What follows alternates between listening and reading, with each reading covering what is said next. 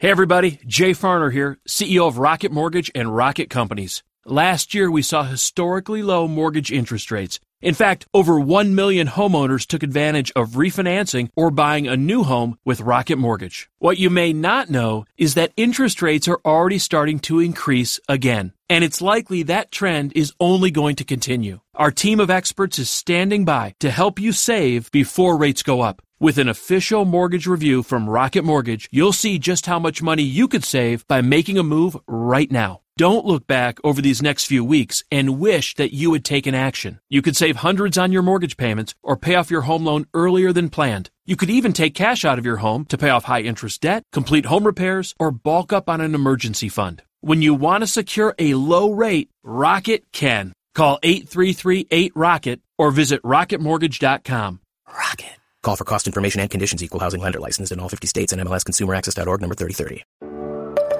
This is what matters most, and I'm Matt Popovits. Look, life is crazier than ever, and lots of people, maybe even you, are feeling anxious and overwhelmed.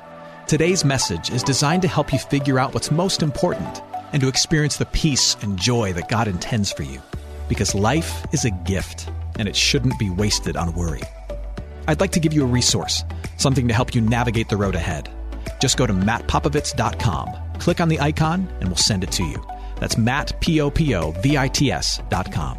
And hey, if you happen to live in the Houston area, I'd love to see you on a Sunday morning at St. Mark in Spring Branch.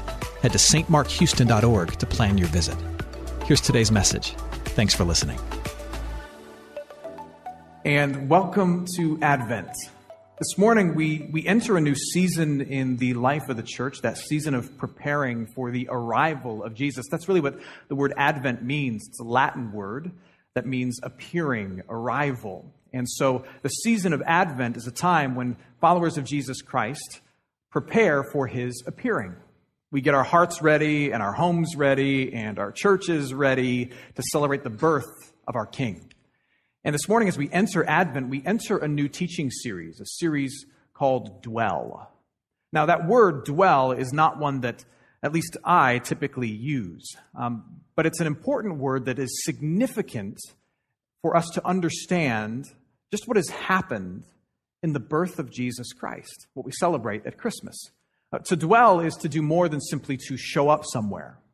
To dwell somewhere is to show up and to set up shop and to be significantly present somewhere, to leave a lasting impact. You don't just show up, you stay and you make a dent. What's interesting to me is that our run towards Christmas, if you're anything like me and my family, our run towards Christmas throughout the month of December has very little dwelling within it. It's a season that, that's like insanely busy. It's a season that is constantly moving. And there's this irony that for most of us, the holiday that celebrates how God stopped and, and rooted himself with us is marked in us by an inability for us to stop and root and dwell and be significantly present with much of anybody. And so in this series, our goal is to dig deep into what God has done that we so often fail to do, which is to come near and to settle in and to be transformingly present with the ones that we love. At Christmas, which is all about being with the people we love, what we often find is that we're so busy that we never spend any quality time with the people that we love. And yet, God was the opposite. He entered into our world, and He didn't just show up with shopping bags. He showed up and He was significantly present. And that's what we're going to focus on. So if you have one of these with you, if you find one near you, take it out. Take out a Bible, head to two places John chapter 1 and Hebrews chapter 4. John chapter 1 and Hebrews chapter 4. Uh, if you don't have a, a Bible with you uh, in book form, I'm sure you have a smartphone. You can pull one up on there and just Google those two phrases John 1, uh, Hebrews 4. Open up the YouVersion app. Today we're going to talk about this idea of incarnation. Uh, incarnation is the uniquely Christian idea that says that God Himself, the person of God, not only entered our world, but in entering our world in the birth of Christ, he took on flesh, like skin and bone and hair and teeth and eyelashes, all of that stuff, God took on flesh. He incarnated himself among us. That by dwelling with us, it's not as though Jesus simply appeared with a cloud. He came and he took on flesh. He dwelt in our humanity. We're going to focus on that and see why that is such an amazing, comforting, and empowering truth for this world. Um, I want to revisit really quickly John chapter 1, verse 14. And I'd like for us to read these words together out loud. John chapter 1, verse 14. Read these words with me. The Word became flesh and dwelt among us, and we have seen his glory glory as of the only Son from the Father, full of grace and truth. Uh, this is the Gospel of John. It's the first few words of the Gospel of John. And this is, this is John's version, in a very unique way, of the Christmas story. What's interesting here is that John doesn't say Jesus' name. He refers to Jesus as the Word, which is strange for us. You know, you don't call me the Word, you call me Matt, right? And yet John has a purpose in that. John's audience was initially very Greek, very Hellenistic, um, very much into philosophy and um, um, some, some kind of aloof and high ideas. And John is borrowing from that language and that culture to try and help them understand the divinity of Jesus. That this Jesus who showed up wasn't simply some really good guy who taught good things, but that he was God in flesh. Um, and so there's a reason he calls John the Word. The reason is because words have power. Think about it. Words are how we communicate everything that's important. If you want to communicate something of import, you use words. Words are also how people of power accomplish things. People with really real power don't ever have to lift their hands. All they have to do is what? Speak and it gets done. The king doesn't have to build his castle with his own two hands. All the king says is, I want a castle, and other people build it. Words also have the ability to establish relationships. Whole relationships are established or broken simply by words. When the nervous fiance to be gets down on one knee and says, Will you marry me? That's nothing but words, right? And when she says, No, that's a life changing word too. Or when she says, yes. It's just words, but with just those words, the entire relationship changes, doesn't it? Words have the power to to communicate information, to accomplish great things, to establish relationships. And the Greek listener to John's text understood this. And so what John was saying is the word, the information, the accomplishing power, the relationship establishing power of God was all bound up into this baby born in Bethlehem. If you want to know about God, look at the baby born in Bethlehem. If you want to see the power of God on display, look at the baby born in Bethlehem. If you want to be connected to and have a relationship with this God, look at the baby born in Bethlehem because all the stuff of God, the Word of God, was made flesh among us. The Word of God, He was fully God, took on skin and bone and hair and teeth among us. Jesus dwelt in our humanity. And this was necessary. It was necessary in how God had ordained how he was going to save this broken world. You see, when, when God shows up and puts on skin and God lives a human life, he lives that human life perfectly. And it serves as a replacement for the human life that I have lived just a little shy of perfect. And when God takes on skin and bone and then he lives a human life and he dies a human death, God's human death is so powerful and so valuable that it's able to serve as a sacrifice, as a payment for all of my abuses and my errors in this life. And if God takes on flesh and God lives a human life and God dies a human death and God gets buried in a human tomb, He doesn't stay in that human tomb. No, He's God in flesh. He rises out of that human tomb. It's temporary. And when He rises from the grave, it serves as a preview of what will happen to me if I believe in Him and trust in Him and it serves as a demonstration of his power. That's why God came in flesh to live a life that you as a human can't live, to die the death that we as humans deserve, and to rise from the grave that is chasing us all, and to show his power. Now, with all of that theological stuff said, let's just kind of set it to the side and let's let our jaws drop at the idea of Jesus simply taking on flesh and being born into this world. God wore this. I mean, maybe not this tie. It's kind of 80s, but, but this skin, bone. God wore this. And, and, and I don't know about you, but for me, when I think about that, my, my first instinct is that that seems like a demotion for God. Like for, for the majestic, holy, indescribable glory of God to be limited to this. Let, let's soak this in.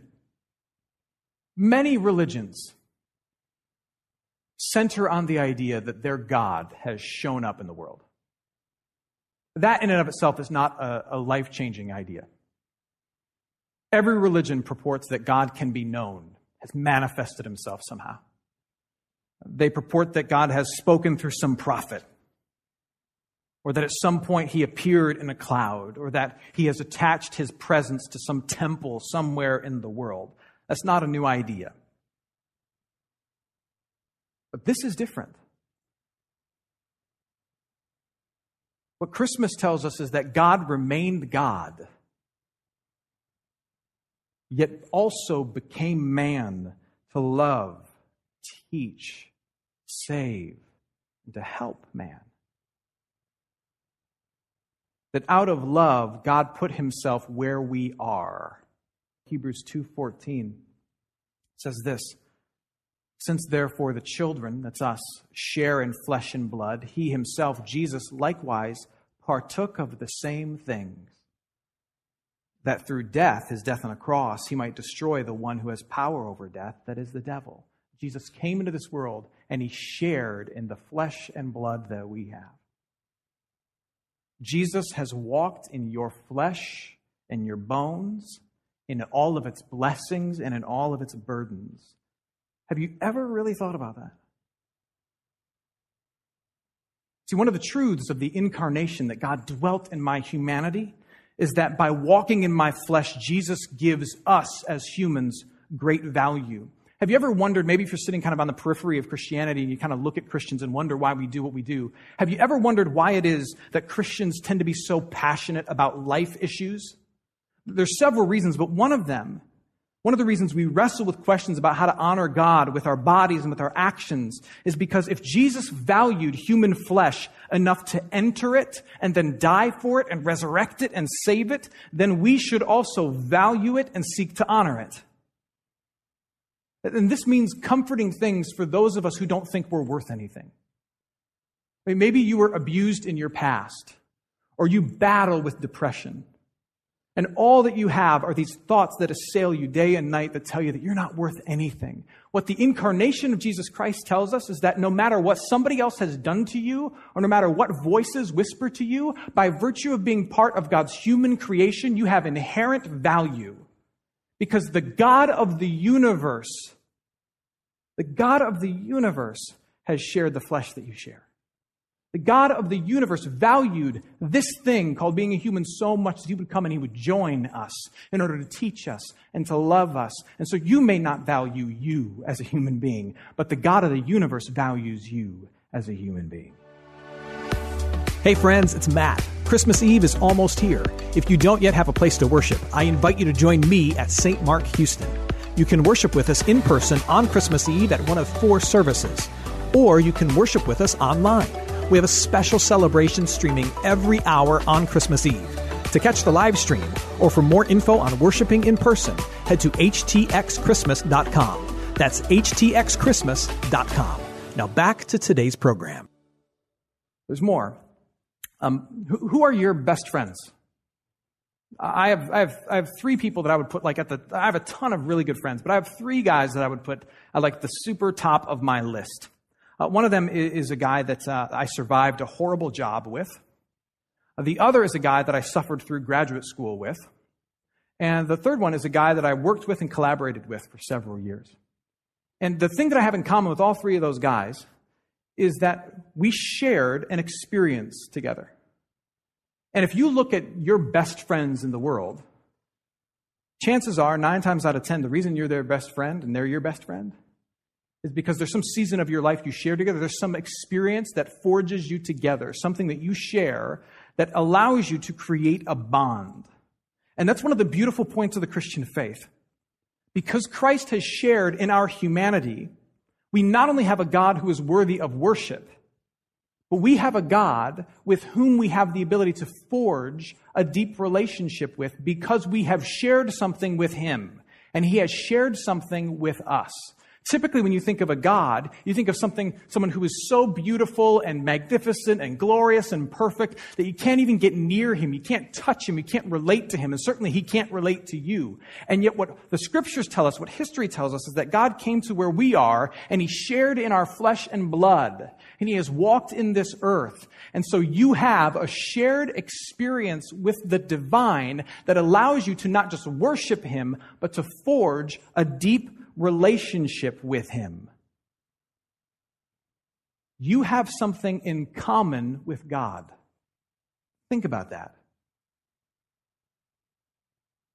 You have both lived in this world. Uh, look at Hebrews chapter 4, verses 14 through 15.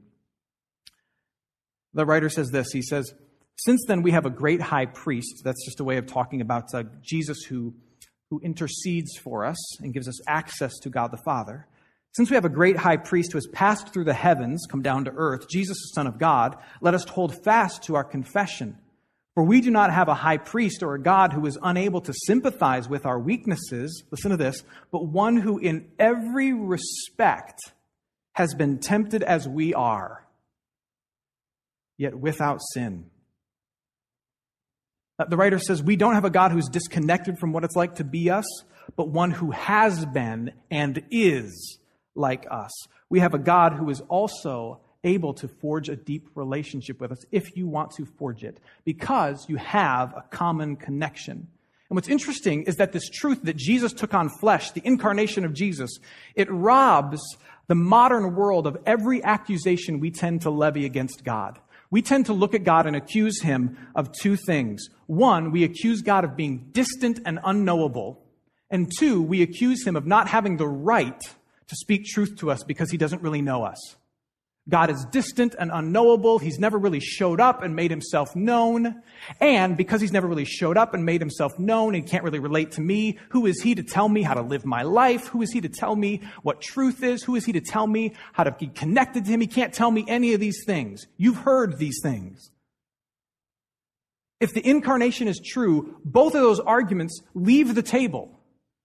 Because if God has come into this world and taken on flesh, then he has come close. He's come as close as he possibly can. He's entered into our world and he's walked among us. He's talked with us. He's given his truth to us. What more could he possibly do? And you may say to yourself, well, I refuse to believe in him until he shows up in my time and in my place. Well, it's interesting. You don't say that about Abraham Lincoln. And all of a sudden, you want to say the same to God.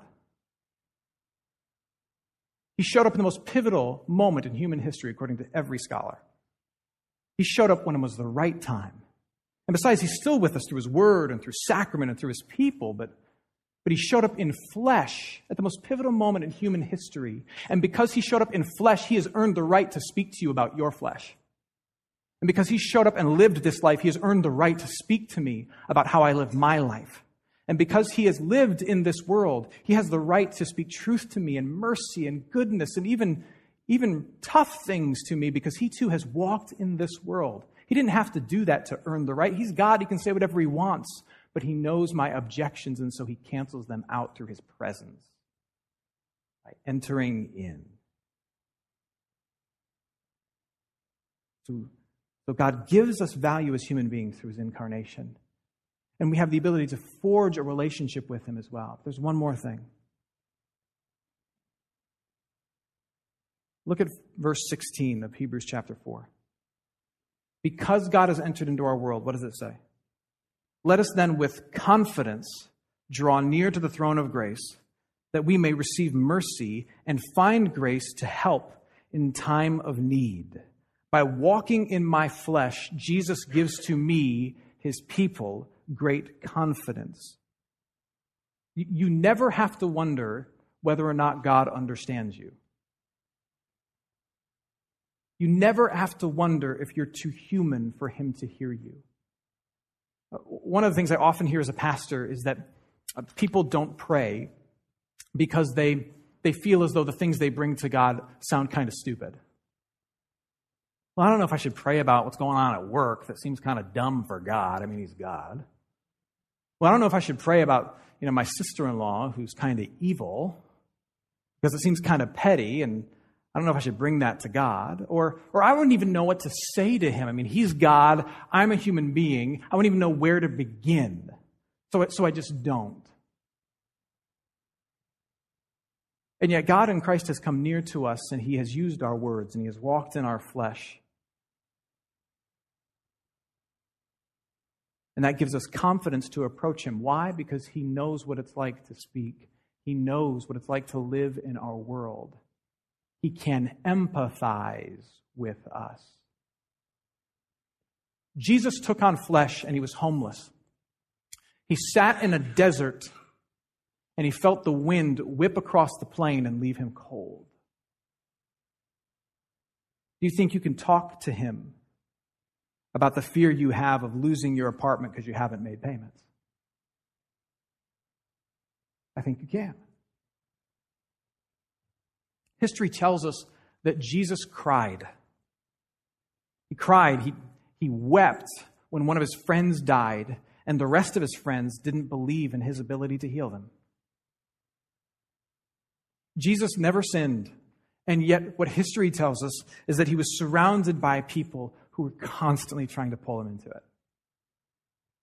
We're pulling him into traps of all kind political traps, sexual traps, spiritual traps, and that as, as, a, as God, who was also human, he felt its pull. So, do you think that you can talk to him about what it is that your hangup is?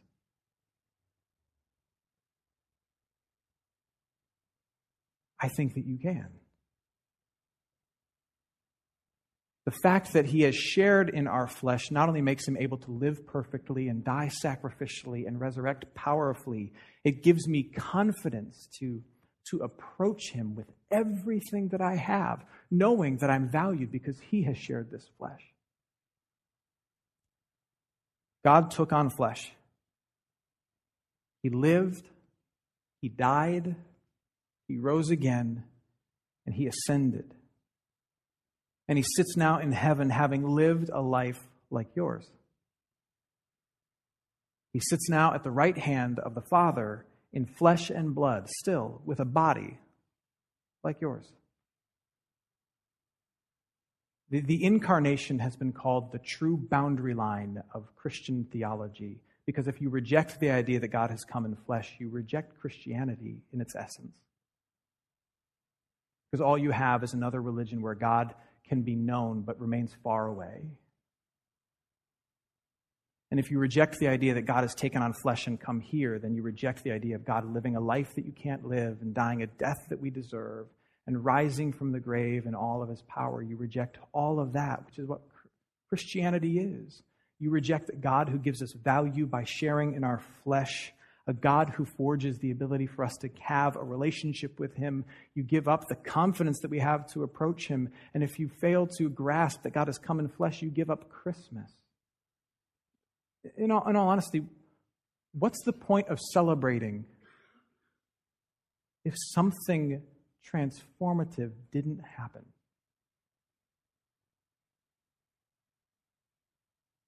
If God has not come in flesh and dwelt among us and shared in our humanity, then all we have is another man made holiday like Sweetest Day.